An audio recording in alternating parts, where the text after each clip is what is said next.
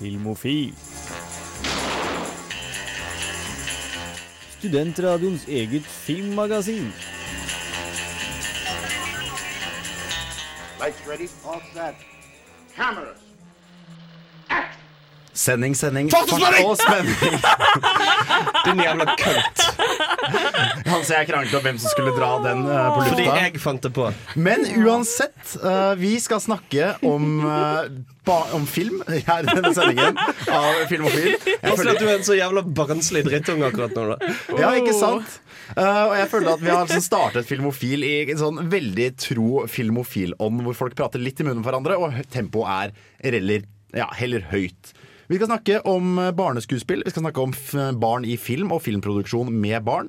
Trine har også vært og anmeldt eh, Captain America Civil War, og det var bra. Ja. Ok, Vi skal høre mer om det senere. Og Apropos barneskuespill, så har jeg med meg i studio her Hans? Frida? Og Trine? jeg heter Jan Markus Johannessen. Du hører på Filmofil. Her i Filmofil så liker vi å prate om ting vi har sett siden sist. Og Frida, Ja. Hva har du sett siden sist? For du virker veldig begeistret. Eh, jeg har begynt å se på Jessica Jones. Det er så bra! Ja, ikke sant? Ja. Vi har, vi har, snakket, vi har snakket en del om Jessica Jones uh, før i Filmofil. Det er vel en sånn filmofil-favoritt av et eller annet slag. Så nå må vi nesten ta det en gang til, da. Nå tar vi det en gang til. Fordi jeg har ikke sett det. Ja, Og du har jo dine egne verdier og dine egne syn og de egne ting du liker. Så hva er det du liker ved Jessica Jones? Jeg liker så godt hvordan, eh, hvordan de viser så mye effekter av vold. Konsekvensene av vold. De, kan, de har faktisk klart å lage veldig kule karakterer som blir, sånn, som blir ordentlig berørt av det som har skjedd dem. Altså Én ting er jo Jessica selv, men eh, hun venninnen Trish, som på en måte helt åpenbart er skrevet som sånn der, på papiret lame, men bare en skikkelig god karakter. Hun er kul dame. Eh, også når hun blir angrepet på et punkt i serien, det kan man vel nesten forvente av alle som er i en superheltserie, ja. så det var Ja. nesten ikke en spoiler. Så er hun etterpå så er hun bare skikkelig redd for alt og alle. Og det tar ikke fra henne noe sånn der, ah, Se så utrolig pysete hun er. Det er sånn, nei, sånn reagerer man når Noen prøver å drepe deg? Ja! Ja, det Det er er helt ikke naturlig. rart i det hele tatt at hun kan stå der og være sånn jeg, Det går ikke greit med meg bare fordi jeg overlevde. Og så klarer de på en måte De klarer veldig godt å gjøre det til en reaksjon som alle er sånn Ja, OK, jeg er der, jeg. Jeg er, der. Jeg er ikke med de der Å, hvis det hadde vært meg, så hadde jeg bare reist meg opp igjen og bare pow, Yeah! du bare føler veldig med karakterene, og det tenkte jeg på sånn til å være en ganske voldsfokusert serie, så blir den på en måte mye voksnere enn veldig mange andre som har mye slåssing. Jeg får vel si at Jessica Jones er kanskje Marvels mest jordnære eh, Ja. installasjon, om du kan kalle det det. Ja, det tror jeg ganske Og, og, og, kanskje, kanskje, kanskje Sorry. Eh, kanskje, kanskje det mest em, tematisk gjennomtenkte. Eh, at, at de, de, for, for de har denne Det, det er jo en voldtektsmetafor, uh, hele denne greien med eh, Jessica Jones og Kilgrave. Og hvordan Altså, altså Hvordan de klarer å finne den balansen mellom å på en måte ikke gjøre det til en sånn eh, revenge-greie. Eh, det fins et eget begrep for det, men jeg husker ikke det i hodet. Men heller ikke sånn Å, Jessica Jones ble voldtatt, så nå er det det eneste som definerer hun som menneske. Men de klarer på en måte å gjøre det på en ekte måte som føles faktisk eh, menneskelig. De har klart å faktisk vise et traume. Veldig, veldig ordentlig, og du tror så veldig på henne. Og hun, du får ikke noe sånn der 'hallo, kan du ikke bare begynne å plante litt blomster', eller sånn. Du trenger bare en hobby. Skaff deg en hobby, lag mat, få unge, kjøp deg rute til forkle. Og det blir så herlig drama ut, i, ut, ut ifra det at um, at Jessica Jones da må liksom bekjempe sin egen overgriper, for hun er den eneste som kan det. For han har fortsatt denne sykelige fascinasjonen for hun Og masse fantastisk flott dynamikk der. Ja, det er også det, Noe av det beste er at det er ordentlig velrunde karakterer. Det er liksom, de, de er menneskelige, for en gangs skyld. Og, og de, eh, en ting jeg liker veldig godt, de lar ikke skurken sin være kul bare fordi han er sjarmerende. De gir han ikke noe sånn Du skal være litt forelsket i Og det er David Tent! Det er det alle sammen. litt Du, forelsket du, i David ser, du ser så mye Liksom Doctor Who. Du, du ser liksom mye Doctor Who av og til. Når du sitter og smøker, det er sånn. Men han, han er jo så Kilgrave er en av mine favoritt-Marvel-skurker til nå. Helt enig. Ja, ja, ja, herregud. Og, og, og det jeg synes gjør at han er så kul òg, er at han på en måte ikke skjønner helt hvor ond han er. uh, at han på en måte uh, Dette beskriver han jo altså, altså fordi hele kraften hans er jo at hvis han sier at noen skal gjøre noe, så må de gjøre noe. Da har ikke de noe valg. Um, og, og på en måte Han forklarer det på et tidspunkt hvordan han styrer jo ikke det. Eh, hvis han vil at dette ikke skal skje, så må han velge ordene sine veldig med omhu. Liksom bestemme seg Nå skal jeg ikke gi noen kommandoer. Han- Fordi hvis han plutselig gjør det Han eh, kan ikke akkurat gå rundt og si 'go fuck yourself'. Nei. Det, det ender Um, ganske dårlig. og, og, og på en måte gjennom det da, så på en måte skjønner ikke han helt at han er en overgriper, for han har jo lurt seg selv til å tro at når han fikk Jessica Jones til å være med seg, så var det noe ekte der. Så, så på en måte du, Nei, det, det Jeg elsker Du, hva skal jeg si, du sympatiserer ikke med han, men du forstår han i hvert fall. Ja. Du forstår motivasjonen hans. Vi, eh, vi har ikke, helt- jeg har ikke kommet dit i serien, Nei. for jeg må liksom se én og én fordi det er så eksamensperiode. Men jeg syns også det er veldig fint hvordan de han møter, de som har blitt med i den lille støttegruppa Jessica Ja, ja, ja. Jones har laget Altså, det er ikke litt. Det er ikke sånn But then they forgave me and everything was okay. Det er sånn Nei, livet ditt etter å ha møtt han, det er ikke litt jævlig. Det er sånn i en ny På en helt ny kategori. Før og etter. Ja, før og etter. Ja, du ser jo det med naboen. ja. Naboen hennes, han som plutselig blir eh, Han som er crack ja, Så altså, han kommer seg jo aldri tilbake fra det. Mm. Han har det alltid med seg. Eller han som bare nevner om at snakker om at han har satt ut barnet sitt av bilen og kjørt Kilgrave rundt da, Mm. i en uke. Og etter det sånn Det er omsorgssvikt. Han blir dømt for det. Kona vil selvfølgelig ikke være sammen med han lenger.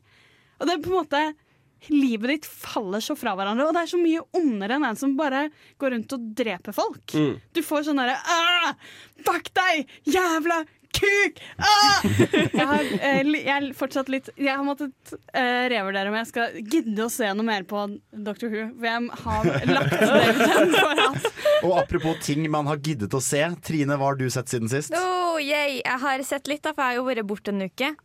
Ja, For jeg var jo så på eh, filmmusikkonsert forrige uke i Olavshallen. jeg synes det er en gyldig grunn til å ikke være med. Åh, det var fantastisk. Det var masse John Williams. Jeg fikk så lyst til å se på ET, men jeg rakk ikke å se den ferdig. Så jeg var på um, Jeg vil snakke om to filmer, egentlig. Jeg var så The Sound of Music for første gang. Å, det er en klassiker. Hva synes du? Åh, vet du hva? Jeg elsker den filmen. Den er, så, den er sånn generelt bare koselig. Og det som er så greit, er at de spiller de samme sangene om igjen av og til. Gjør det til at du bare OK, nå er, nå er jeg ferdig med sangene her for en liten stund, så kan jeg gå og gjøre noe annet igjen. En sånn, når jeg er ferdig å se filmen. For vanligvis når jeg ser musikaler, så har jeg lyst til å høre musikken igjen med en gang. Altså, Du får på en måte den Du får den å høre det igjen i filmen, så du har Ja. fått, på en måte fått akkurat passe nok når filmen er ferdig. Yes. for, for det er jo på en måte noe med Sound of Music og musikken der som på en måte Skulle til å si, Jeg vet ikke egentlig om det er til filmens fordel at det er sånn, men jeg, jeg, jeg føler mye av musikken i den filmen er sånn du er ferdig med den. Etter du ja. har hørt den. Al- Altså, altså Det er ikke liksom let it go. Eh, det er ikke sånn at etterpå så bare Å, den sangen var så catchy, jeg må høre den med. Det er sånn Do, uh, de, OK, greit. Den. Eh, videre. eh, Som en som har blitt tvunget til å måtte synge den musikken i korsammenheng, så kan jeg si ja. Altså Den holdt til én gjennomlytting, og så blir det Ja. sånn Dette her er dumt og dustete, men det holder jo da første gang du ser den. Ja, det var veldig morsomt. Det var jo morsomt å se det på Samfunnet òg, da. Det var, Ja, koselig. det var jo avslutningsfilmen. Og så Sang folk med og sånn, da, eller? Nei, det var ikke det. Det var så få mennesker Men der. hva med deg? Du kunne reist deg opp og vært Ja, sånn. I kjole og snurret ut med armene og sunget til Alpene. Og alle jeg kunne lysene vært skrur Maria. seg av, og én spot går ned på deg. Jeg kunne vært Maria for en dag. Um, Men hva mer har du sett? jeg, i, I går kveld Jeg fikk ikke sove.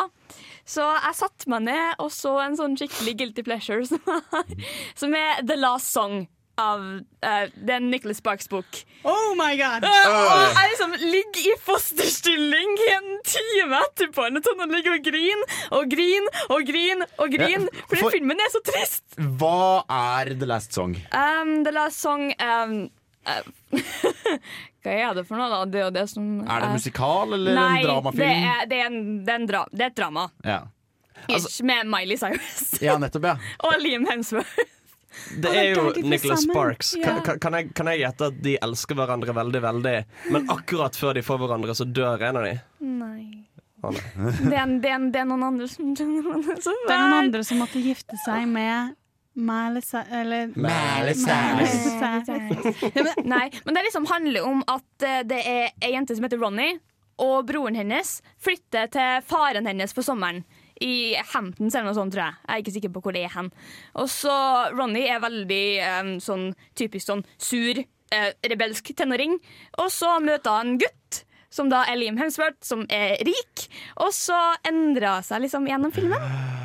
Der har de vel også en ganske kjent uh, sangscene der hvor hun har sånn country rap. Å nei. Nei. Jo! Nei. Nei. er det ikke den? Da er det Hannah Montana. Fader, da kommer vi tilbake Nei. til den. Men den, men den eh, for å knytte litt inn i temaet, har en ganske bra liten gutt som spiller. Kult. Vi skal snakke mer om barneskuespill, og vi skal til og med faktisk snakke mer om uh, Hanna Montana. Men før det så skal vi få kloroform med Squeeze. I ekte filmofilånd så Nei, Å, den det er lur, som... den låta der. Ja, den er veldig fæl. Men, men. uh, uansett, i ekte filmofilånd hans så kan vi jo fortsette å fortelle om hva vi har sett siden sist, og vi Ja. starter med deg. Og jeg har sett Game of Thrones sesong 6 episode 1. Ja! For det er en greie, er det ikke? Det er en liten sånn indie-serie som kanskje ikke så mange har hørt om. Ja. Uh, basert på fantasy-universet til George R. R. Martin. Uh, og det, nå er de i sin sjette sesong, og fy faen, nå, bli, nå begynner det å bli gøy. Fordi eh, litt, litt av min greie med, med, med Game of Thrones er jo at jeg har lest alle bøkene. Ja. Og, og da har det jo lenge Altså Fram til sesong fire Så visste jeg jo alt som kom til å skje. I sesong fem begynte noen ting å skje som ikke hadde skjedd i bøkene ennå. Eh, altså, altså Hvor de fortsatte handlingen fra der det slutta i bøkene, istedenfor at de bare endret på noen ting for å få det til å passe som en TV-serie. Og nå bare spiller jeg helt uten at jeg vet noen ting. Og det er så gøy! ja, for nå har vi kommet til dette punktet hvor seriene faktisk er foran bøkene. Ja, fordi George R. Martin tar litt vel lang tid, og nå skal han jo gjøre masse annet. Ja, og, Han skal lage han- men slik jeg har forstått det, så har han også sagt til serieskaperne Jeg har ikke skrevet boka ennå, men dette er det som kommer til å skje. Ja, eller, det, det, det som på en måte har skjedd, er jo at han har eh, Altså Han er jo i dialog med filmskaperne. Ja. Og, og er, vel, er litt involvert i skrivingen og i story arcsene. Og det han har sagt, ang, og, og som de eh, showrunnersene òg har sagt, er at hendelser kommer til å være annerledes, men hva skal jeg si, det generelle Det, de store linjene. Ja. De store ringene kommer til å være samme. avslutninga kjente jeg var likens. Ja. Ja, for, men eh, George R. R. Martin har vel skrevet mye TV-serier før? Han, han har skrevet sånn en episode her og en episode der. Ja, for det virker liksom som han skjønner veldig hvordan TV-serier skal være, og god til Man må jo si at han må ha vært god til å samarbeide med de som lager Game Ja. of Thrones, bare fordi det funker så bra. Ja, altså Han har jo skrevet et par episoder òg. Ja, Ja. ja, ja, ja, ikke sant, se der. Så han er, han er veldig Noen ville kanskje sagt at den tiden kunne han bruke på å skrive bøkene, men andre sier ikke det. Han holder jo på å lage spin-off-TV-serie Ja. til Game of Thrones. Skjønner ikke hvorfor. Han Men, har eh, sikkert skrivesperre. han, ja, Ja, han, han, han, har jo, følger det opp? ja, men han har veldig mange løse tråder her og der i bøkene, har jeg hørt, men jeg har ikke lest dem. Så han har sikkert litt vanskeligheter for å nøste opp alt sammen. Ja, og angivelig da så skal neste bok, The Winds of Winter, eh, komme i 2017 en gang. eh, men de sa akkurat samme i fjor om 2016, Ja. så eh, vi får se. Men, eh, men jeg, liker, jeg liker veldig godt det de gjør. Eh, det at de nå begynner å bruke karakterene litt på sin egen måte. Og Altså, jeg vet ikke, Litt av greien som har vært med tidligere eh, Tidligere sesonger i Game of Thrones, er jo at det, det virker litt som at de har, de, de har måttet forandre på ting. For Ja. det er ikke alt som er i bøkene, som lar seg så godt oversette til, eh, til TV-skjermen. Og da oppstår det på en måte et problem i det at de skal få karakterer som Karakterer til å gjøre ting basert på på en måte motivasjonen i bøkene Som ikke som kommer til ikke nødvendigvis er der i TV-serien. Ja, det blir litt sånn mismatch av og til. Men nå kan de bare gjøre hva de vil. Du er ikke redd for at de kommer til å få helt George Lucas-syndrom, og nå som de har tilnærmet frie tøyler, at de bare de kjører hele dritten i grøfta? Jeg, jeg, jeg, jeg tror ikke det. Nei, de snakker nok med Martin George er sånn White Martin. Walker, som er sånn George Jar Må appellere til kidsa, ikke sant? Innimellom voldtektsscenene. Men, eh, men jeg har troen på sesong seks. Ja. Nice. Vi har jo også sett en ting sammen, Hans. Vi har jo sett Primer. Oh my god! uh, og det er jo en, eh, en litt sånn low-fi sci-fi-film som varer 77 minutter og tar 23 minutter å forklare. Ja. Altså, fordi jeg har, jeg har sett den en gang før. Ja og jeg har sett den uh, Jeg så den nå første gang med deg, og jeg satt med liksom notatblokk. Vi satte filmen på pause flere ganger. Og sånn OK, hva skjedde nå? Ja, så ok, hvis Han gikk tilbake i tid, og så møtte han han, men før det, for det hadde ikke vi sett, så var det en annen fyr, men han hadde sett det. Så det er sånn, sånn du trenger grafer og en veldig, veldig god forklaring for å egentlig henge med. Fordi Primer er jo en film om en gjeng med sånn tech-karer som bygger en tidsmaskin. Ja. Uh, og det som gjør filmen veldig kul, men òg veldig tung, er jo at det er minimalt med eksposisjon. Eh, det er ingenting som forklares til deg som sier Alt er liksom i form av samtaler de imellom. Og ting som gir mening for de basert på informasjon vi ikke har. Så, så det er jo, altså de begynner å reise litt i tid, bare for, bare for å teste det ut. Og så plutselig viser det seg at han ene kanskje har reist litt mer i tid enn den andre. Ja. Og så viser det seg at den første kanskje har reist enda litt mer i tid. Og til slutt bare sånn OK! Fordi han reiste bak der, satte seg inn der, gikk så der, og så møtte de han, satte han til fange, sånn at han satte seg inn litt Og det som er gøy med denne filmen her er at Han som har skrevet og regissert den, har sagt at 'jeg vil ikke lage en film som er enkel å forstå'. Eh, Jeg vil ikke nødvendigvis appellere til de store massene. Og hvis du vil forstå filmen, så sett deg ned med notatblokk og se den fem ganger. Så det, den, er, den har litt sånn til, samme tilnærming som de gamle, gamle Super Nintendo-spillene. Yeah. Hvor du ikke kunne lage lange spill, så du lagde det vanskelige. Slik at du kunne spille det mange ganger og bruke lang tid på å forstå det og få det til. Altså, eh, det er jo en veldig film for internettiden. Yeah. Fordi hvis jeg hadde sett den alene og vært sånn når det var ferdig Du får den opplevelsen, og man får absolutt nok av den. Men du, jeg synes i hvert fall jeg fikk veldig mye igjen fra å gå på nettet etterpå og lese Ja. folk diskutere den. Første gjorde jeg, jeg gjorde også. Det var derfor jeg sa 23 minutter, for det var den YouTube-videoen jeg så. Og, og, og, og det, og det, det jeg syns òg funker med den, er jo det at selv om den er veldig forvirrende, så får du den følelsen av at det er en intern logikk her. Ja, ja, At, ja. at, at selv om vi ikke forstår det, betyr det ikke at det ikke kan forstås. I motsetning til uh, Inception, hvor Ja. jeg ble tatt litt ut av det fordi at jeg begynte å tenke over det sånn Ja, men dette gir ikke mening, for nå bryter dere deres egne regler. Hvor de, altså, for I Inception så forklarer de reglene, og så bryter de reglene. Og hvis du synes Inception var vanskelig å forstå, så ikke gidd engang å se Primer. Ja, ja, ja. Men Inception er jo mye mer Der er det liksom en gimmick at det skal være komplisert. Det er sånn derre oh, The dream inside a dream inside a dream! og på en måte hele greia er at du skal bli så veldig amazed. Sånn Ja. derre wow! Sykt komplisert! Og det er jo på en måte altså, Typisk Nolan. Veldig typisk Nolan. At han bare skal gjøre det veldig komplisert. Samme med Interstellar. Så ble det jo bare Mens grunnlaget er så tynt at det blir liksom sånn Du graver litt, og så er det sånn Love, var det det som gikk mellom Vi bare. Mens Primer er en ting som gir mening for karakterene. Altså, Jeg syns aldri den var forvirrende å se på, selv om jeg ikke skjønte hva som skjedde. ja, ja, ja. Mm. Og det er jo Forskjellen her er at hvis du føler at ting ikke henger på greip, så er det din feil og ikke filmen. Det er, I Inception så er det, er det filmen, er det filmen som er feil. Mm. mens i uh, Primer så er det du som bare ikke klarer å forstå. Og da må du, da må du bare prøve igjen. Og jeg vil bare nevne en kort ting sånn på tampen her. Uh, apropos det du sa om internettiden.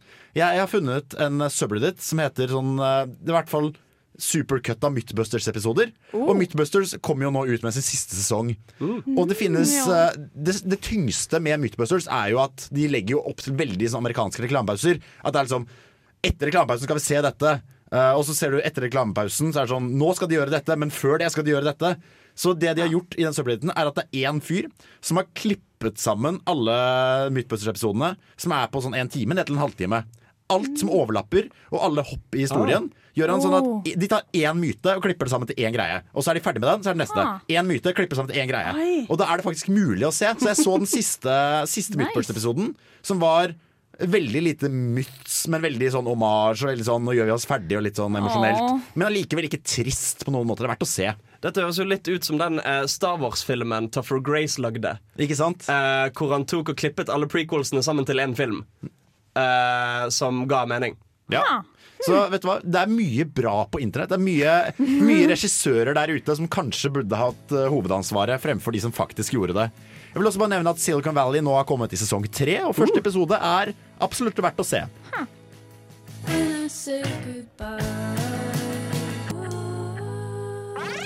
Filmofil gir deg nyhender fra filmen og fjernsynets i spanende vær. Trine, det er jo godt å ha deg tilbake i studio, for da kan du være vår faste nyhetskorrespondent. Og hva slags nyheter er det ute i filmverdenen nå? Yes, um, Det skal jo komme en, uh, series of unfortunate events på Netflix. Ja, for det er nyinns... Eller ikke nyinnspilling, men det er en, en ny filmatisering Ikke av filmatisering, det er en serie. En serie, ja. En serie. Av uh, filmen med Jim Carrey og boka Ja. før det. Ja. Så nå har de da kommet ut et bilde med Neil Patrick Harris som Count Olaf. Han oh. ligner så sykt på Jim Carrey. Jeg snur Ja. en PC i studio. Han er Jeg kan, jeg kan, uh, jeg kan hva, skal, hva skal jeg si? Jeg kan si at ja, han er kliss lik. Men dere som syns at, um, at det er på en måte en god ting. Ja. Eh, el- el- eller i den grad at jeg likte veldig godt hvordan Jim Carrey så ut rent kostymemessig i den eh, filmen. Ja. Men problemet er at Jim Carrey ble en veldig tullete figur. ja, men det er Jim Carrey. Jo jo, jo jo, men Jim Carrey kan spille seriøst. Ja. Altså Man Jo, the Moon, ja. Eternal Sunshine Ja, osv. ja. Truman Show. Um, men poenget er at Count Olaf skal ikke være en fjollete og tullete figur. Nei. Han skal være en skummel figur. En fyr du oppriktig er redd for. Uh, altså Når du er 10-11 år og leser de bøkene, så blir du redd. Og jeg tror Neil Patrick Harris kan naile det bedre enn Jim Carrey ja, kan. jeg tror jeg Helt kan enig. få det. Vet du hva, jeg tror han, Etter også å ha sett han i en veldig seriøs rolle, ikke nødvendigvis så skummel, men litt creepy, i Gone Girl. Girl, Å, Gone Girl. Oi. ja, så tror jeg også at han har den absolutt den evnen til å være den creepy, ekle, litt skumle greven. Han har jo mye mer å komme enn man Ups. Eh, bare, bare ignorer eh, Jeg tenkte det kunne være litt sånn fin bakgrunnsmusikk ja. mens jeg snakker. Frida Han jo- snakker. Han har jo mye mer uh, bredde. Han har jo egentlig veldig mye bredde, Neil Patrick Harris. Ja. mm. Og han får veldig ofte veldig sånn én type roller. Og så er han ganske god på å gjøre de litt bredere. ja. Han blir ikke typecastet fordi de er veldig forskjellige, men typete roller som han gjør bredere. Og det kan jo være bra med en sånn som lett blir karikert person. Ja, ja, ja. At han kan gi den litt sånn tyngden og bredden som det fortjener. Vi burde vel kanskje legge ut bilde av Neil Pratt Patrick? Harris Den- Ja, det. Det havner på Facebook-side. Facebook-siden vår, og du Yes. finner det der. Yes. Um, det kommer jo en animert um, Batman The Killing Joke. ja. Den har fått R-rating. ja. Den har nettopp fått en full trailer, som nå ligger ute. Olle! Ja. Den skal jeg se neste låt. Skal vi kanskje bare kom, diskutere den neste nyhetstikk? Hvis vi skal se det. Ja, vi har nyhet. Ja, kjør neste nyhet. Kjør. Yes. Det kom en ny casting fra Kingsman. ja. The Golden Circle. Ja, for det siste vi hørte, var at Channing Tatum var Ja, det var akkurat det jeg skulle Og det var det du skulle si? Ja, Faen. det var akkurat det jeg skulle Bra si. nyhetsrapportering hans. eh, At Channing Tatum har nettopp blitt kasta. Gamle, gamle nyhetskonspiraten versus den nye. Men, There can be only one. Det, det er også snakk om at Elton John skal spille en Ja! rolle. Men Så så vet jævlig bare ikke hva. Ja, men du, du kan så sykt se for deg Elton John som en sånn her gammel, vis type som sitter der og på en måte virker litt sånn fjollete og langt vekke. Men han har en eller annen sånn Så styrke vet seg. du. Jeg smiler fra øre til øre. Jeg gleder meg kjempemye til den filmen her nå. Ja, visst. Disney holder jo på med sin live action-remake av alt. Ja. Nå skal det komme en ny hel haug med live action-ting. Oi. Ja, for Jungelboken var jo Overraskende bra. Ja. overraskende bra og verdt å se. Det kommer en oppfølger. Det kommer en Jungelboken 2. Skal Men Jungelboken 2 Favreau var ikke bra. Du tenker på tegneserieversjonen? Ja. Ja, men kanskje, kanskje men, de klarer å ja, redde John, den inn, da. John Favreau skal, skal Ah, lage det. ja, men. Med mer. Det er Maleficent 2 kommer. Eh, det, kommer en, det kommer jo en live action-versjon av Dumbo. Av Tim Burton. Av Tim Burton? Wow! Oi. Jeg vet ikke.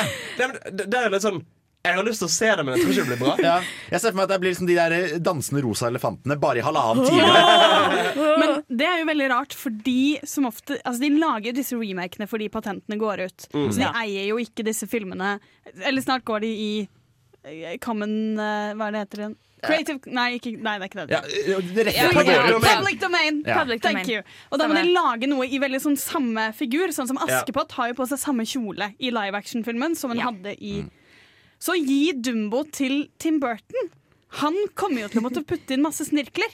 Hva skal han gjøre under? I rollen som Dumbo, Johnny Depp. Og så en, en til Disney-ting som jeg vil nevne. Det, det, det er liksom samme ting. Um, det skal komme en live action-film av Cruella. Som er backstoryen til Cruella. Nei! Kunne hun ikke bare gå rundt og være slem ellers? Med, med Emma Stone som Cruella. Du vil. Hæ? Hun skal jo være gammel. Men, men skal, de, skal de gjøre dette med alle Disney-greiene? Ja, med sånn, vi forteller historien om igjen, men fra skurken sitt synspunkt! Det, Er det, ikke vir- det det, virker, det virker med at det bare er backstoryen da, til Cruella. At det ikke blir sånn Maleficent der du får litt av backstoryen Ja, og litt av Cruella resten. Origins. Så Liksom. det, det, blir, det blir basically The Devil Wears Prada. Men, altså, ikke litt sånn, altså. men Cruella Nummer én så burde hun vært en gammel dame. Hun er jo en gammel og elegant og litt for kul dame. Sånn at hun mister kanskje litt av mystikken når hun ikke er i bakgrunnen. Jeg er litt redd for det. Jeg liker Cruella. Det vil. Ja, for at hun da får rett og slett for mye spillerom. Ja, Og så må hun bli grei. Hun skal ikke være grei. Ja, hvis hun, er, hvis hun er mulig å sympatisere med som protagonist, så kan det hende det ødelegger alt. Ja. Vi får se. Men nå skal vi høre Great News med låta Secrets. Nå har jo resten av Filmofil endelig fått sett eh, traileren til The Killing Joke. Endelig. Så her har vi sånn Filmofil reacts-øyeblikk. Kommer til å bli saksøkt, men det får bare være. Jeg Jeg, syn, for- ja. Jeg er foreløpig på at mm, ja, mm. ja, jeg sitter også litt med at den var kul, har potensial, kan kanskje floppe litt. En ting jeg umiddelbart merket med den traileren, er at jeg er skeptisk til han som er stemmen til Batman. Det er Kevin Conroy, det er han som har hatt stemmen til Batman i Animated Series og Det alt. får så være. Eh, jeg syns han er for rolig og avbalansert. For, for meg så er Altså, altså The, Kill, The Killing Joke-tegneserien er jo basically Batman som får dråpen for, og, ja, og for mye. altså, altså Det er analysen av forholdet mellom Batman og The Joker, hvor The Joker endelig går over, over streken, på en måte. Al altså går for langt inn i de Batman bryr seg om, og de antar, Altså kan vi, sp vi kan spoile en tegneseriebok som har vært ute i 20 år. Den Ja, har hvis ikke- vært ute i 88. Ok, Vær så snill. Okay, okay. okay Han skyter noen. da, da kan Ned. Frida Noen. noen. Han skyter noen. Én person. Eh, han skyter noen som gjør at liksom Batman må finne ut hvor faen er jokeren. Ja. Og når de viser den scenen, sender i den traileren, så er det sånn Where is he? Når, når det skal være Where is he? Altså, altså, Ja, the trigger? det er jo en Batman som er desperat etter å finne den jævla jokeren. Ja. Og, og, og det blir så jævla slapt. Eh, Ja, men- Trine, kan du ta sparke bort til Frida som ligger i yogastilling der, at hun får på seg hodetelefonen igjen? Sånn, eh, Frida, vi er tilbake. Nå skal vi ikke spoile mer. Thank you. Det- hm, Jeg tror det bare står mer i stil med hvordan Batman har vært i The Animated Series og andre ting. For det er en At de fortsetter throwback. den continuityen som er der. Det er en liten throwback til eh, den, eh, de, den serien som har gått før, og også sikkert et steg vekk fra hele Nolanverse med Batman. Ja, altså, altså, for det, for det Ja. er jo en ting med den, og, og sånn er jo tegneserien òg. Altså, Den står jo helt alene. Den er ikke i, noen kanon, skulle til å si. Eller noen kontinuitet. Det er bare en enkel tegneserie som utforsker det forholdet. Eh, som ikke liksom henger sammen med noe annet. Jeg merket at det var veldig deilig å se nå, Det er jo jeg som eh, har vært treig her, da. Men å se superhelter i tegnefilm Noen annen enn meg som tenkte på det? Ja, Det kan hende at det blir en liten sånn, eh, liten sånn renessanse for tegne, tegnefilm eh, nå med denne filmen, hvis den slår an. Ja, jo, fordi jeg merker at sånn Du ser veldig godt når du ser på sånn Ja, selvfølgelig er dette egentlig tegninger. Ikke sant? Eller du på en måte Jeg er jo veldig glad i tegneserier i utgangspunktet. Nei, jeg mener tegnefilmer. Mm. Og tegneserier. Men jeg er ikke så god på tegneserier. Så det er veldig sånn fint å få disse historiene i nærmere den formen de var i utgangspunktet. Og det er så morsomt at Mark Hamill er tilbake som The Joker. Jeg er så Ja, for Det var faktisk det beste med hele traileren. Ja, ja, ja. Mark Hamill Mark som Hamill. The Joker. Han er The Joker. Ok, Det er en litt sånn, litt sånn smålig, morsom og sånn skikkelig snål liten nyhet jeg fant. Zoolander 2 is too offensive for students. University shows Deadpool instead. og, og grunnen da er uh, Zoolander 2 is making fun of margina marginalized communities is never okay, says student group. Så da så, Hva skal vi se? Jeg ser jo på en måte litt hva de mener, fordi Deadpool er en voldelig grotesk uh, film. Men den sparker egentlig ikke noe særlig nedover. Nei. Men allikevel så er det, eh, får jeg litt sånn Det rykker et eller annet sted i ryggraden. Sånn, ja ja, men ro ned nå. Men kan det ikke Altså, Er ikke det greit? Fordi jeg syns jo det er helt OK å være sånn Å ja, må vi se på deg være gammeldags? Det var, det var jo Surrender 2 som var for offensive. Jo, men, jo, Fordi, men på grunn av karakteren som Benedict Cumberbatch spiller. Ja. Altså, hele spøken med han er jo sånn Hvilket kjønn har han? Ja. Og hvis du har Ok, altså Dette med trigger warnings og hele Å, herregud, de er så sensitive. De er jo ikke det. De bare velger hva de vil se. Og det må jo være greit å si Vet du hva, faen heller, vi gidder ikke se på Zoolander 2, som er sånn he-he, transpersoner, sykt! Og så det at de viser Deadpool, viser jo ganske mye med holdning. Det er jo ikke sånn at det er sånn Vi vil ikke se på ting som er voldelige, vi vil ikke se på ting som er gøy. De har jo valgt faktisk en ganske voldelig, drøy film, som bare Ja. er mye mer ordentlig på Altså mye mer i vår tid. Og valgte vekk en film som jeg kan forstå at folk faktisk henger seg opp i. Altså, al- altså Som faktisk framstiller transpersoner. Altså det, det er ikke snakk om sånn Åh, se, De tar seg nær av alt mulig. Det er faktisk ganske stereotypisk og kjip framstilling av en transperson i den eh, filmen. Og det må da være greit å velge bort fuckings Zoolander 2! Altså, vi, den har jo ikke noe rett til å spilles der. Nei, men jeg tenker jo også at dette høres jo veldig ut som sånn uh, storm i vannglassnyhet. At noen har funnet ut at den vil vi ikke se, og så sa de det til en avis. Og så er Ja. noen bare sånn Nå er disse oversensitive Ja. studentene ute igjen! Og så har det bare blitt en kjempegreie. Det, det, var, det var bare en liten morsom nyhet. Ja, ja. Men så viktig! Skal vi ta den en gang til? Thank you. Um, det er nyheter om at en film skal begynne å spille inn i sommer. Mest sannsynligvis. Hvilken film da? Zombieland 2. Mest sannsynlig. Eh, skal um, Hvordan forholder den seg til Amazon Go-serien eh, ved samme navn? Vet du hva, Det sier de ingenting om. Nei, det er kanskje Jeg tror greit. de bare har bare kutta alt som finnes til likhet til det der. der. Vi vet jo ingenting om at hovedskuespillerne kommer tilbake eller ikke. da Nei. Det har vi ingen peiling om. Akkurat det jeg skulle spørre. Nei, nei, ikke, ikke, ikke gå til meg! Ikke gå til meg! Så, men, men det vi vet, er at han skal begynne å filme da, i sommer. Ja, mest sannsynlig. Ja, så jeg liksom- tenker, jeg tenker jo Vi vet ganske lite. Ja, vi det, det er sånn, det er sånn ymsing. Det er sånn, kanskje den begynner å spille inn, kanskje ikke. Jeg vet ikke helt Det hadde jo vært veldig gøy om de beholdt de originale skuespillerne, men jeg tror også det kan bli, hvis de gjør det ordentlig, en grei antologifilm hvor de har samme univers og samme, samme liksom, opptreden.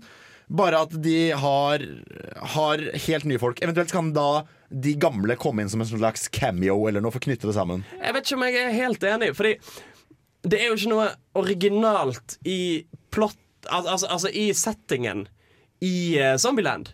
Det er jo på en måte bare en zombieapokalypse. Det som gjør det spesielt, er jo de karakterene som er med, og ehm, og, og, og, den på en måte innstillingen til zombieapokalypsen. At du har han her innesluttede geeken som har lagd seg dette systemet for å overleve. At du har han rednecken som har en softside. At du har disse jentene som er liksom con artists som bare lurer seg for å komme seg til en sånn jævla fornøyelsespark. Ja. Det er karakterene som gjorde den filmen interessant, og deres måte å se på denne apokalypsen på, og ikke plottet i seg sjøl. Nei, for når, når du sier det på den måten, så er det jo egentlig veldig generisk zombie. Selvfølgelig. Ja. Med, ja, så uten karakterene så blir det liksom ikke Zombieland på samme måte. Eh, En bitte, bitte liten ting til. Yeah. Det ser ut som det kommer en tredje Sherlock Holmes-film. Med Robert Downey jr., Jude Law, Og regissert av selveste Guy Ritchie. Ja. Hvem var det som ønsket seg den? Og det, det, det står Hva det mener du? Hvem var det som ønsket seg det? Hans ønsket seg tydeligvis den. Hans gjorde det, Den, var tydeligvis. jo, den er jo på en måte sånn Hei, dere vil ta Sherlock Holmes, og så bare gjør vi den amerikansk. Vi bare bæsjer på at dette her er britisk og liksom ah, Fint hva? Jeg, jeg forsvarer Sherlock Holmes amerikansk eller ikke og sier at den filmen har en egenverdi, og Robert Down jr. gjør en veldig kul tolkning. Enig. Helt enig. Den var jo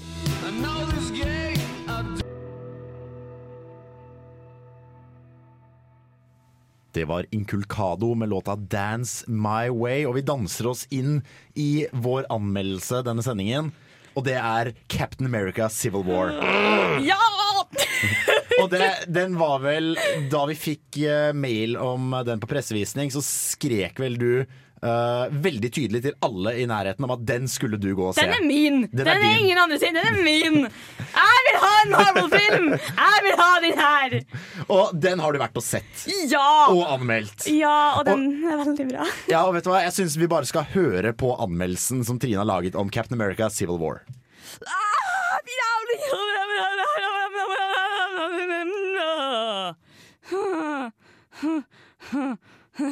OK, da har jeg fått ut alt hysteri om denne filmen her. Nå tilbake til anmeldelsen. Captain, while a great many people see you as a hero, there are some who'd prefer the word vigilante. You've operated with unlimited power and no supervision. That's something the world can no longer tolerate. Filmen de fleste tegneseriegeekene har venta på siden Iron Man er endelig her. Captain America Civil War har hatt premiere, og den leverer virkelig opp til forventningene som de fleste har satt seg. Fy faen, det her var bra! I just want to make sure we consider all our options. Because people that shoot at you usually wind up shooting at me too. You know what's about to happen.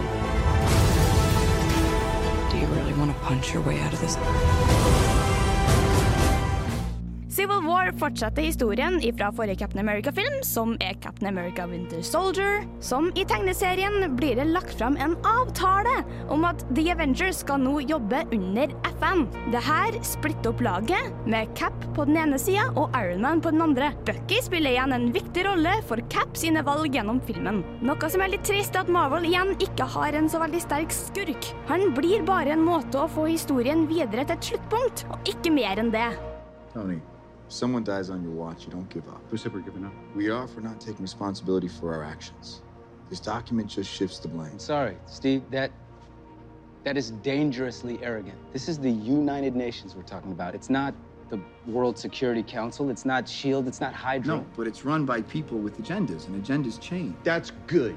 That's why I'm here. When I realized what my weapons were capable of in the wrong hands, I shut it down, stopped manufacturing. Tony, you chose to do that.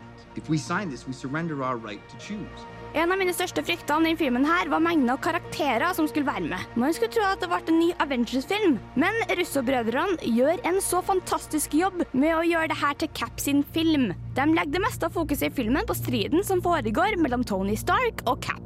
Sorry, Tony. You know I wouldn't do this if I had any other choice. But he's my friend. So was I. Det som er helt utrolig, er at alle andre karakterer får ett eller flere øyeblikk til å skinne. Skuespillerprestasjonene er så utrolig bra gjennom hele veien. Du skulle ha trodd at de kanskje bare phona det inn på det tidspunktet her, men å fy faen, de gjør det så bra. De introduserer til og med to nye karakterer inn i The Marvel Cinematic Universe. Black Panther og Spiderman! Ah! Å, Fy faen! Jeg er ferdig nå. Jeg lover. All right, I've run out of patience. On to!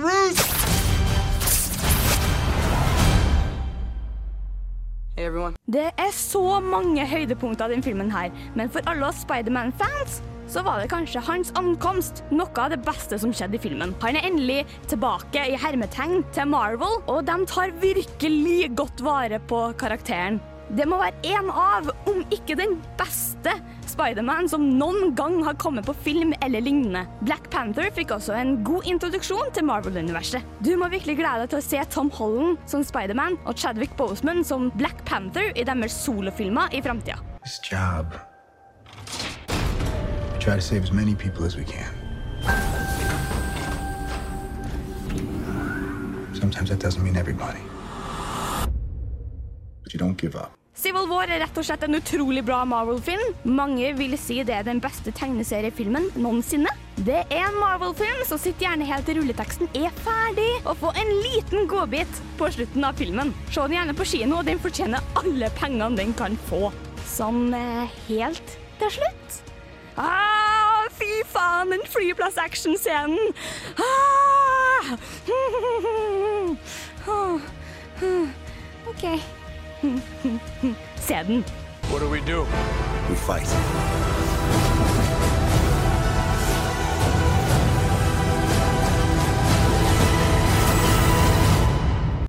Den filmen her høres det litt ut som når, når den var ferdig, så lå du og stirret i taket og tente deg en sigarett.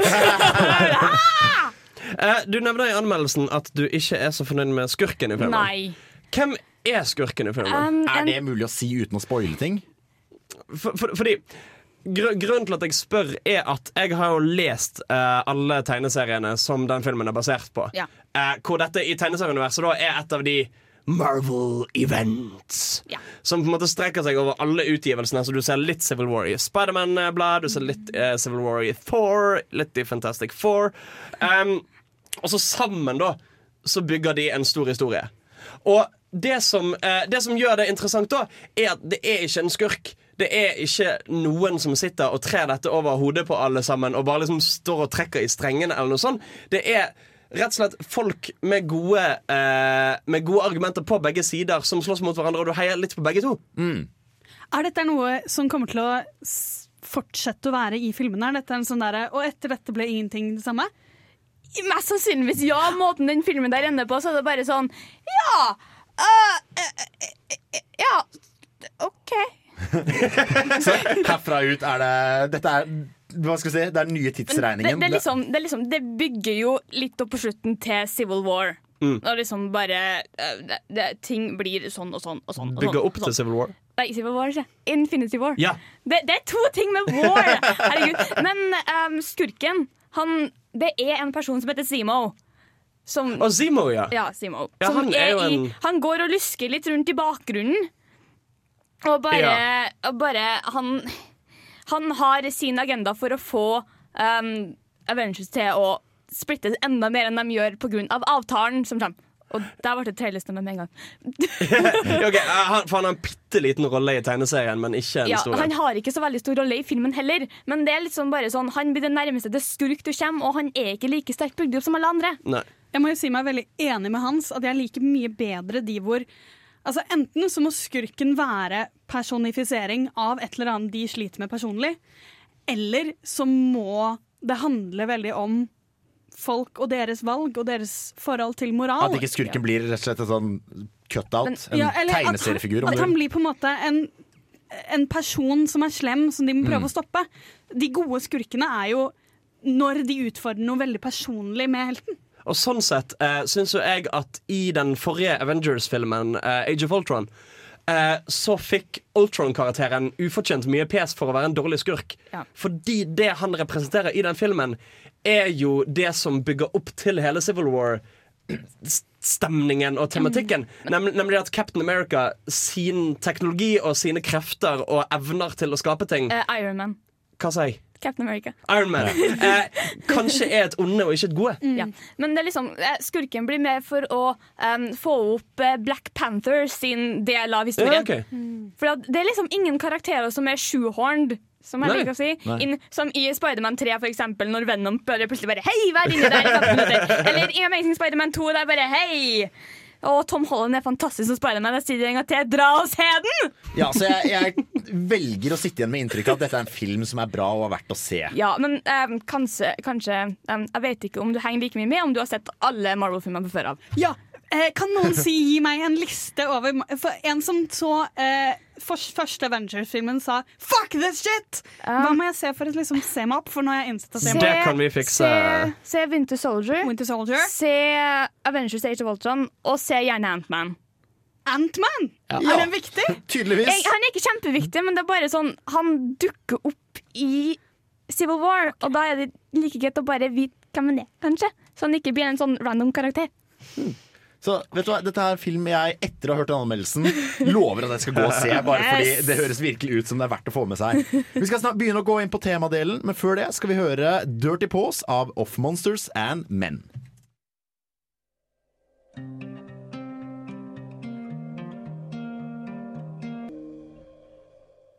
Vi har beveget oss inn i temadelen, og vi skal snakke om barneskuespill og barn i filmproduksjon. Fordi det er en litt egen greie, dette med å putte barn inn i film. For de er ikke voksne skuespillere. Så på mange måter så Ganske naturlig nok. Så, Så- så- Ja, unge, unge suger. Så du kan ikke behandle dem som voksne mennesker fordi eh, det tåler de ikke. Og de er ofte ikke i stand til å skuespille på samme måte som voksne, kan noen mene. Og det er også veldig ulovlig å behandle barn som voksne, fordi det kalles barnearbeid. Ja. Det, det, du har et poeng der. Ja, men det, det er jo Som med så mye annet, så er det jo på en måte det at um, al Altså, det å forklare noe til en unge er jo noe annet enn å forklare noe til en voksen person. Eh, så hvis du vil på en måte hvis du skal liksom si sånn vil jeg at du skal spille, for dette er det karakteren din føler, så må du kanskje snakke annerledes til en unge enn til en voksen person. Og det virker som det er ofte en veldig stor variasjon i hvor flinke regissører er til å snakke med unger. Det tror jeg nok er absolutt en faktor her. At Hvis du ser litt på barna som et verktøy, så er det litt sånn du får ikke mer ut enn det du putter inn fra regissørens side. Og et eksempel på dette her er jo for eksempel The Shining. Ja. Stanley Ja. Kubrick spilte, var regissør for The Shining. Og det er jo en eh, veldig, veldig skummel film. En eh, skikkelig sånn Skummel. Jeg vil litt Den noen, er skummel. Noen Den er bare si creepy. Guffen. Okay. Guffen. Det er en skrekkfilm, det kan vi være enige om. En gyser. En gyser. Og i den filmen så spiller jo en liten kid som spiller egentlig en sånn skikkelig creepy rolle. Ja. Fyren er jo Det er som du sitter og øh, Ta, ta vekk demonbabyen, liksom. Tvillingene er litt verre. Ja, og det som er så gøy er at kiden som spilte i The Shining Visste ikke før han var mye eldre At det var en skrekkfilm han spilte i Så Ja. der sa de rett og slett Ok, nå gjør du sånn og sånn, sykler du ned der Og bare via klipping Og på en måte å bruke den barneskuespilleren Til å bare være kid Så klarte de å lage en skrekkfilm Uten at han i det hele tatt fikk det med seg Altså Veldig mye av det som gjør han så ekkel, er jo reaksjonen hans på omgivelsene.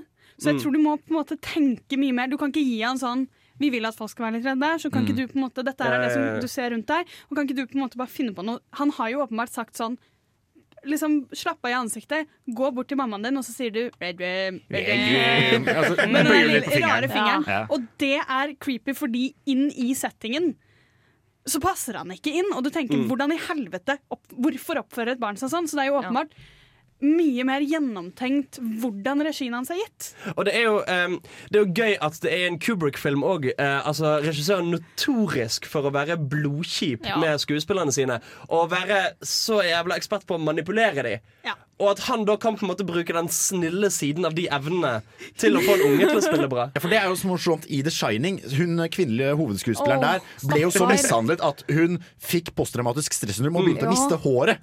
Altså Det er jo i for scenen hvor Jack Nicholson slår seg inn i badet. Eh, så hadde de gjort den scenen sånn over 100 ganger, tror jeg. Ja. Eh, og eh, Kubrick var ikke fornøyd med det han fikk, så han går og sier til henne sånn Er det ikke noen enkel måte å si det etterpå, så skal jeg si det rett ut. Du har sparken. Eh, du gjør ikke en god nok jobb. Nå tar vi dette en gang til, og så vil jeg ha deg helvete vekk fra settet. Du har kostet oss millioner av dollar i eh, skuddager og catering og alt mulig. La oss bare få dette overstått. Og det var cut-taken du brukte. Ja, nei, jeg lurer på om det var noe samme med trappa. Der var det 127 ganger. Ja, for det er, det er fortsatt verdensrekorden av flest takes. Ja, kanskje det var den jeg tenkte på. 127 ganger! Det er mange ganger. Og det er jo verdt- også verdt å nevne her at mange får litt samme reaksjon når man sier barneskuespill som når man sier norsk film. Ja. Det er sånn, folk puster litt gjennom tennene. Er sånn, Oi! Og det er, det er jo grunn til det, fordi det er mange kids som rett og slett ikke klarer spille. Så du Nei. trenger en kid som ser sånn og sånn og sånn ut fordi han skal spille en ung versjon, eller han skal spille Sånn à la Phantom Menace. Ja, eh, og This is podracing. Uh, men der har du jo, Vi skal snakke mer om et barns rolle i film senere, men der har du på en måte det at det er så stor variasjon på barneskuespillere, for det er ikke så mange av dem. Nei. I Hollywood så kan du gå ut på en hvilken som helst restaurant og så kan du finne en håpefull servitør som passer, uh, passer utseendet du leter etter, og så kan du finne 20 kloner og velge den beste. Og veldig ofte, i hvert fall for TV-serier, så trenger du eneggede tvillinger.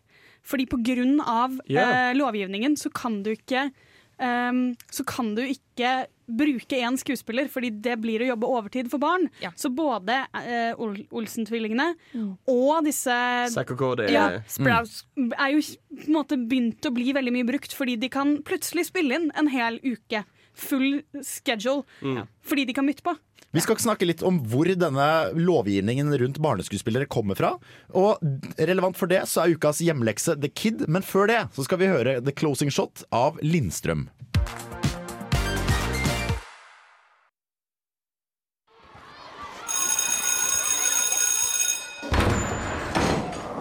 There'll be no foolish wand waving or silly incantations in this class. No, okay, that's it for the day then. Today, we have a similar debate over this. Anyone know what this is, class? Anyone? Anyone? Anyone seen this before? Ukens hjemmelekse. Og ukens hjemlekse er The Kid, eller som det heter på norsk, Smån. Smån. Ja, Smån, selvfølgelig. Eller Hjelp, vi er uteliggere.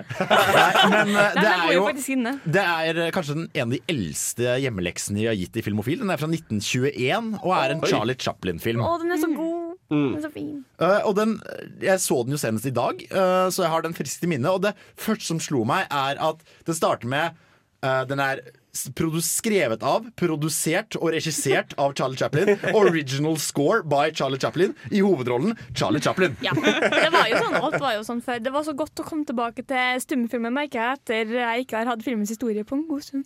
Det var så godt å komme tilbake til stumfilm og Charlie Chaplin. Og er Der derfor- ble du plutselig filmvitenskap, Ja. Trine. Det er derfor du studerer filmvitenskap, og ikke meg. Men det uh, som også er i filmen, er at den er nesten litt morbid. Eh, spesielt starten, hvor de, hun eh, dama da eh, har, hun har fått barn med en mann som åpenbart ikke ville ha henne. Eh, og blir da Hvor de står på tekst 'Her only sin was motherhood'. Ja. Ja. Eh, og plasserer da dette barnet i en bil. Eh, ting skjer, og Charlie Chaplin, eller The Tramp, som han kalles i denne Mm. filmen, finner da barnet. Og så lurer han liksom på Han prøver å bli kvitt det, da. og han klarer ikke å bli kvitt det. Fordi folk er sånn 'Nei, du glemte ungen din', og ta med dette her. Hvor han da ser liksom et sånn eh, stormavløp, trekker opp gitteret. Nei, jeg kan ikke gjøre det. Vurderer liksom rett og slett å bare ta livet av ungen. Men eh, han beholder dette barnet. Fem år senere så er da i hovedrollen Jackie Coogan. Eh, barneskuespilleren tidligere kjent fra Vaudeville, så han hadde jo spilt før. Og han er, han er nydelig i den filmen. Han er kjempesøt. Jeg har lyst til å ta den med hjem. Ja, for det er akkurat det. Man blir liksom der Chaplin, ærlig talt, han er så søt! Du må, men han blir jo glad i han. Ja. Og den er jo ganske Jeg tenkte på det sånn Jeg trodde at det kom til å være mye mer sånn he-he, han tar seg en unge, er ikke han mann? Wink, wink. Og så var det ikke det hele tatt. Det er på en Mm. måte veldig sånn det er ikke stilt noe spørsmålstegn ved er han en omsorgsperson. Altså når, de, når de spør han er du faren, så sier han ja, basically. Og den filmen her er jo, avlet jo frem det som kan sies å være verdens første barnestjerne. For før dette her så var det ingen store roller for barn i film. Dette var jo ganske tidlig i filmhistorien. Og Jackie Coogan hadde noen ganske kjipe foreldre, så i 2016-dollar så tjente han som barneskuespiller mellom 50 og 70 millioner dollar. Ja. Han fikk etter søksmålet, da han ble voksen og saksøkt foreldrene sine, eh, for de hadde ikke gitt han en, en, gitt han en cent, eh, så fikk han 126 000 dollar. Altså ingenting i sammenligning. Og eh, i 1939 så lagde da California The Coogan Act, som lager regler for at barn skal ha lov til De skal gå på skole, de skal ha minst 15% satt av i et fond, som jeg syns fortsatt er ganske lite, og hvordan man, så også legger retningslinjer for hvordan man skal behandle barn på settet, og den gjelder fortsatt. Ja. Så han fikk i hvert fall Han ble skuespiller, han spilte senere Fens, uh, Fester i, uh, i Adams Family. Adams Family. Og det var en sånn Travolta-type Travolta i Pop Fiction-type Mm. rolle. Sånn, ingen ville ta i han før den, og så etterpå så var det sånn Ja, nei, nå kan du egentlig gjøre litt hva du vil. Han fikk en veldig Mm. på en måte renessanse. Ja. Og var jo, eh, for jeg trodde at grunnen til at Coogan Act eh, kom, var på grunn av en sånn derre Fred Astaire i Singing in the Rain-type greier. At de greier. behandlet ham dårlig på filmsettet. Ja, At Chaplin var kjip Ja. men det var han ikke. De var veldig gode. Ja, ik det ikke var- Fred Astaire i singing in the rain. Nei. Det Nei, var, jeg men, unnskyld, Gene Kelly. det var uh, stefaren som var kjip med, kjip med sønnen. For den ene scenen hvor sønnen gråter, så hadde han rett og slett dratt en Kubrick før Kubrick fantes, og sagt 'hvis ikke du griner, så gir vi deg bort'. Faen. Og selvfølgelig gråt kiden. Ja. Og sånn ble filmen til. Wow. Ja, det, det, er, eh, hva skal jeg si, det er filmen som la rammeverket på godt og vondt for alle barneskuespillere siden. Vi skal snakke mer om eh, det å se verden med et barns øye, og før det så hører vi Faulty Loft med La La La. Vi har snakket om uh, barn i film og hvordan vi ser barn i film.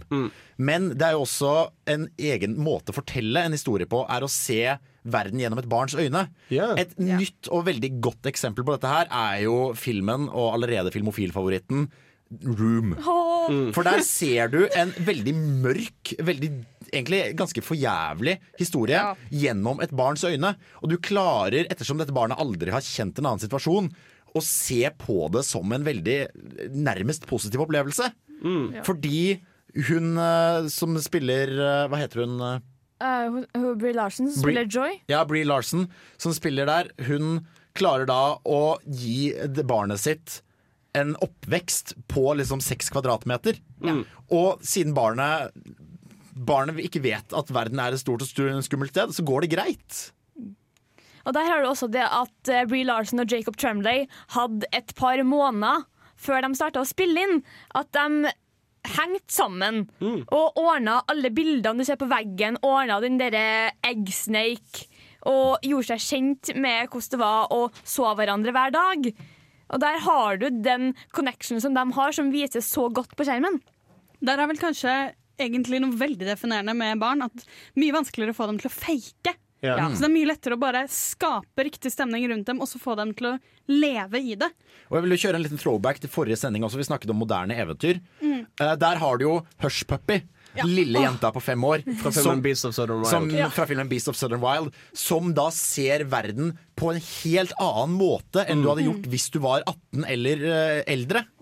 Fordi hennes sånn slags eventyrlige oppfatning av verden rundt seg er et helt fantastisk måte å fremstille på som ikke en voksen hadde klart. Og en ting som funker jævla fint når du viser det gjennom barns øyne, er altså en film jeg ofte snakker om fordi at jeg liker å virke som jeg ser skikkelig seriøse og eh, vanskelige filmer, er Idiens Motory Eh, Come and See, den russiske krigsfilmen fra 80-tallet. Eh, som er den kjipeste, drøyeste filmen jeg har sett i mitt liv. Um, og der er jo hoved, Hovedpersonen er en 11-12 år gammel gutt som opplever eh, at først kommer nazistene, og så kommer russerne og jager nazistene ut. Og folket blir revpult eh, begge gangene. Og det Jeg syns det funker så bra. Og, og for eksempel um, eh, hva er det? 'Jenter med det gylne kompasset'. Eh, så har det å vise det gjennom et barns øyne skjærer vekk alt av politikk. Alt av sånn Jo, men dette var rettferdiggjort fordi det og det, og jo, men det er en vanskelig, fasettert situasjon.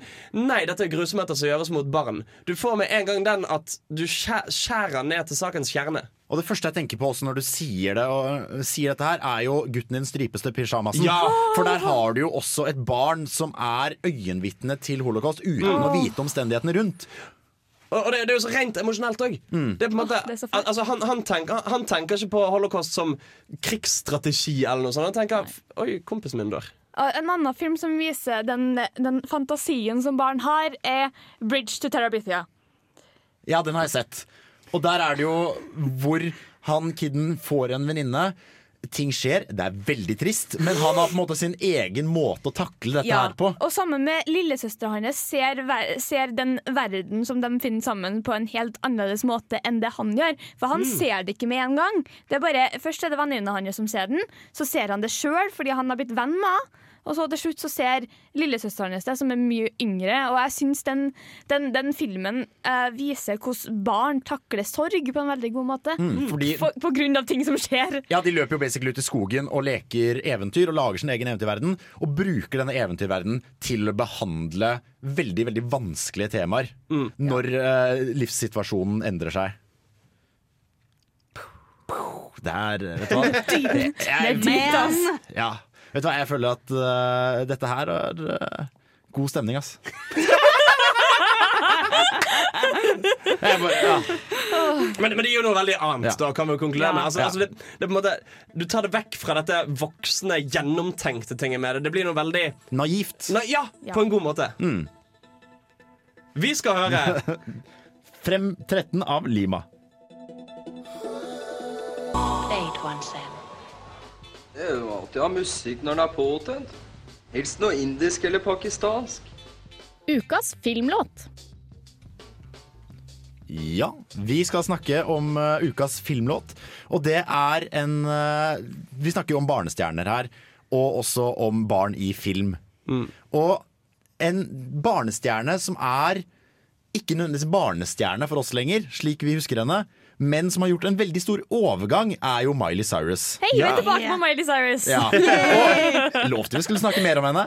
Og hun uh, startet jo som Startet sin karriere som Hannah Montana. Oh, yeah. Eh, Pop-country-stjernen som var en vanlig jente, men som hadde da denne alter egoet Hannah Montana. Med en park. Ja, Med fordi parykk. det, Vi må inn på det igjen. At hvorfor kjenner de henne ikke igjen? Altså, man blir litt sånn irritert når man ser på. De henger jo med samme gjengen, og alle er sånn Dette må være en I, helt i, i, annen drømme, i, drømme, I drømmesekvensen hennes så kjenner de henne igjen når hun har på seg en mørk parykk. Mm. Men det jeg syns er, er så gøy med Miley Cyrus og hun i hele industrien, er jo det at du har så mange eksempler på barnestjerner som ble store, og så gikk det til helvete med dem. Mm. Det gikk rett ned i heroin og kokain, eller de ble mishandlet, eller alt mulig skjedde. Eh, eller for eksempel de tok inn Britney Spears og tålte ikke helt den overgangen til å plutselig skulle bli sexy og selvstendig og alt mulig sånn. Mens hun virker som hun genuint gjør det hun vil, for, og, og det hun gjør fordi hun faktisk har lyst til det, og fordi hun faktisk syns det er gøy. Mm. Og så er det jo Disney har jo en nesten litt sånn creepy eh, inkubasjonstank for barnestjerner som heter Disney Club. Og der startet vel Channing Tatum, tror jeg. Uh, Justin Timberlake, Justin i hvert fall. Christina Aguilera, Britney, Britney Spears. Spears. Veldig- Ryan Gosling, tror jeg. Ja. Enten Gosling eller Veldig Reynolds. mange kjente skuespillere i dag startet på en måte i Disney, tidlig Disney, og klarte da i større eller mindre grad denne overgangen. Og uh, Miley Cyrus kan du jo Du kan jo si hva du vil om liksom hennes måte å gjøre det på, men hun har i hvert fall gått sin egen vei. Ja, det kan du, du får, si. du får i hvert fall så klare Altså En klar følelse av at det skjer på hennes premisser. At dette ikke er noen al Altså, Hvordan det begynte, hvem vet. Men akkurat nå i hvert fall så gjør hun det hun har lyst til, og ikke det noen trer ned over hodet på henne. Hun har jo på en måte dratt en Jessica Biel i sånn å miste beskyttelsen. For, for dere som ikke vet det, Jessica Biel spilte jo i Seventh Heaven, som yep. er en uh, serie om en veldig kristen familie. Og så ble hun vel mye større, så hun hadde lyst til å si opp kontrakten sin. De lot henne ikke gjøre det, så hun stilte opp toppløs i et uh, ungdomsmagasin. Og da Ah. sa de det kan vi ikke ha, du får sparken. Og det er jo på en måte Nice. det Miley Cyrus også har gjort. Gjennom å være litt drøy, så har hun på en måte distansert seg veldig som Disney er litt sånn oh, what the fuck happened there? guys?» og på en måte skyver henne litt bort. Mens disse andre Disney-stjernene blir jo bare sånn mye mer i eh, grenselandet, da. Mm. Og jeg leste jo også en cracked-artikkel en gang av hun som spilte Matilda. Ja! eh, hvor hun forteller om he- Hun har- var jo en barnestjerne. Og hun forteller også at hun skjønner veldig godt hvorfor det er så mange barnestjerner som går luk til helvete. Fordi når du er sju og tjener millioner av dollar på filmindustrien, og er på et sett hvor du basically kan si jeg vil ha fruktjuice med sukker oppi, og så kommer noen løpende Mm. og kaster seg på kne for å gi det til deg, så er ikke det et sunt oppvekstmiljø for barn. Du får aldri nei. Og hvis du noen gang sitter barnevakt for en sjuåring og du kan bare tenke deg, hvis du, sier, hvis du gjør alt denne sjuåringen ber om, så går det lukt til helvete med dere begge to. Mara Wilson heter hun Ja. vel. Og, eh, hun snakker også i denne artikkelen veldig mye om hvor utrolig avhengig du er av foreldre som Mm. gjør akkurat det. Som kan være sånn Nei, men her hjemme så er du vanlig. Mm. Her får du ikke fruktjus med sukker. Ja. Og de putta jo henne, de putta henne på en helt vanlig sånn public school. Mm. De, fikk, de tvang henne til å dele rom med søsteren sin. De var, dette, hun tjente jo masse penger på det. De kunne kjøpt et stort hus med masse, masse rom, et boblebad til hver av dem.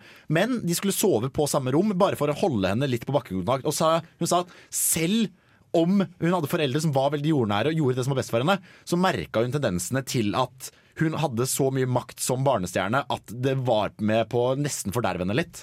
Og det triste der er jo at de færreste har sånne foreldre. Mm. De fleste barnestjerner er jo ikke der fordi de sa sånn 'Mamma, jeg har lyst til å være i film', og så er moren sånn ah, 'OK, jeg kan kjøre deg', da.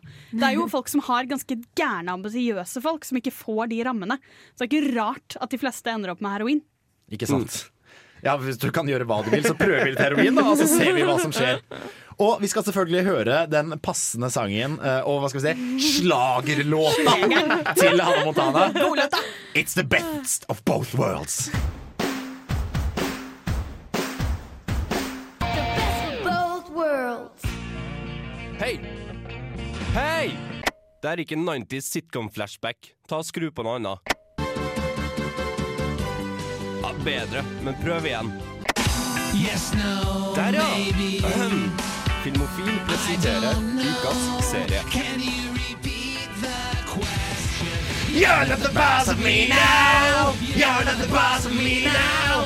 You're not the boss of me now, and you're not so big.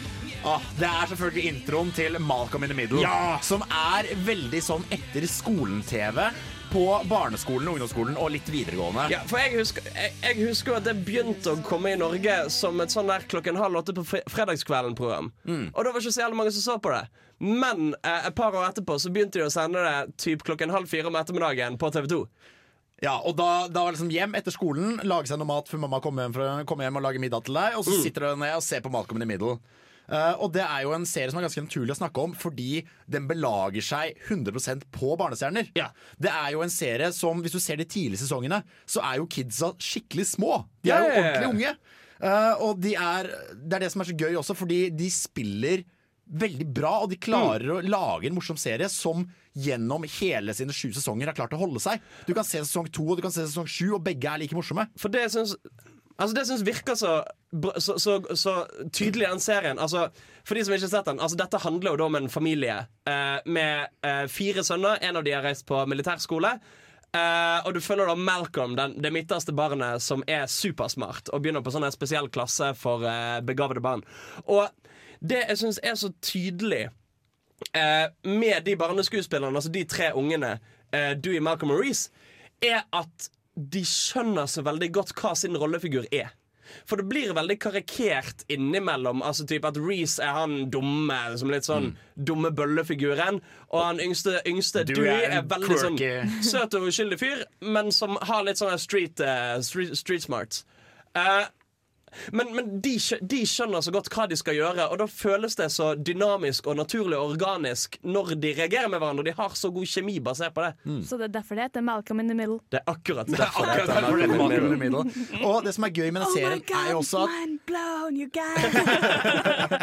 Det som er gøy med den serien er at Du ser jo også opp igjennom at jo eldre skuespillerne blir, Mm. jo mer ansvar, jo vanskeligere oppgaver gir det dem som å skuespille. For eksempel Dewey er jo bitte liten i sesong én, Mm. og etter hvert som han blir eldre, så gir de han også på en måte mm, fra å på en måte ha enkeltsetninger til å ha en ordentlig sånn egen karakterark, hvor han spiller og bærer mye av episoden alene. Ja, ja, ja.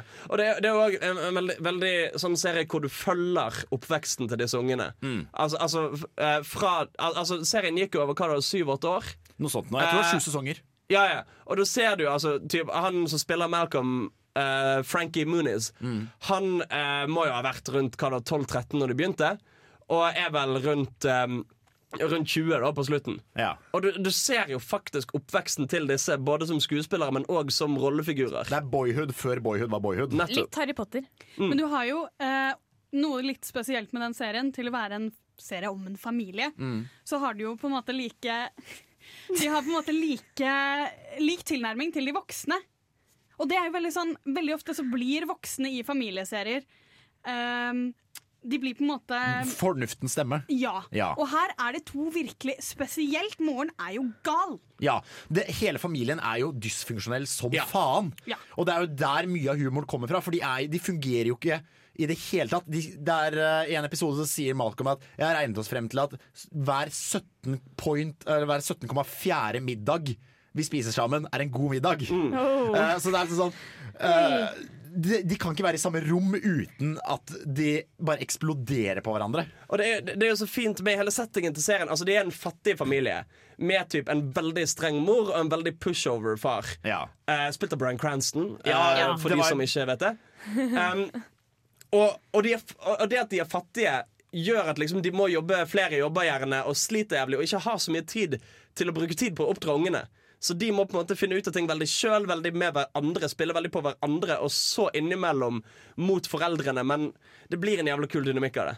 Absolutt, Det er en serie som, hvis ikke du har sett den, så tror jeg Nei, den ligger ikke på Netflix, men du klarer å finne den. Og det er en forbanna vittig serie. Det er en veldig morsom serie. Om du liker barneskuespill eller ikke, så er det en serie som har holdt seg også. Den er verdt å se i dag, selv om den kom ut for en del år siden. Ja, ja, ja. Nå skal vi høre One Below av Domo Genesis, og etter det skal vi snakke litt mer om barneskuespill, deres, s- deres rolle som forbilder, ofre, og hva slags virkemidler de er i film.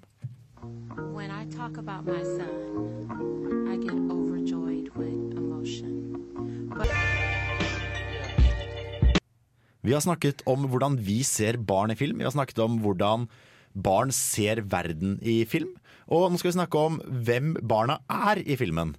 For barna har jo ofte en sånn litt utsatt rolle. De er ofte noen som må beskyttes.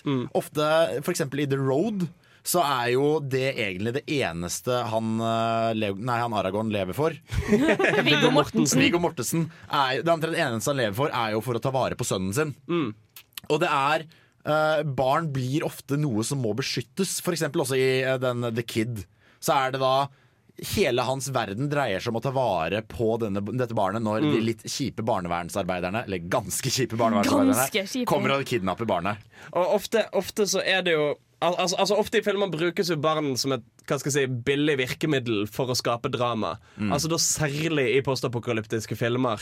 Eh, som for eksempel 2012, når han har en liten kid med astma eh, som han passer på hele tiden. Eller i Nei, det er ikke astma, det er hun pisser på seg. Er det? Eh, eller eh, War of the Worlds. Um, hvor han òg har en kid som han må finne hele tiden og en tenåringssønn som han må finne hele tiden. Og hvor, hvor det på en måte bare blir en katalysator for sånn Vi trenger noe konflikt. Oi, ungen løp! Ja, fordi uh, dette her er jo, Når du sier billig virkemiddel altså Det å snakke om foreldrerollen er jo ikke billig, men veldig mange bruker barn som en sånn derre ja, du skjønner, ja, tre. De gidder ikke lage en karakter. Nei. Og barn må også være en karakter for at vi skal bry oss, og vi må kjenne dem. Mm. Og vi må vite hva de vil, hvordan de tenker. Vi må, vite, vi må se forholdet deres. Det kan ikke bare være sånn 'dette er en kid'. Åpenbart blir det. Ærlig talt er det et monster. Ja, og Av og til så blir det jo for eksempel i World War C Så blir det jo det slags bare sånn accessory til Brad Pitt. Mm. At liksom Brad Pitt har unger, han er en staut familiefar. Uh, kids, jeg, jeg husker ikke engang hvordan kidsa ser ut. Ikke sant? De, er jo bare, de er bare der for å vise at han er en far.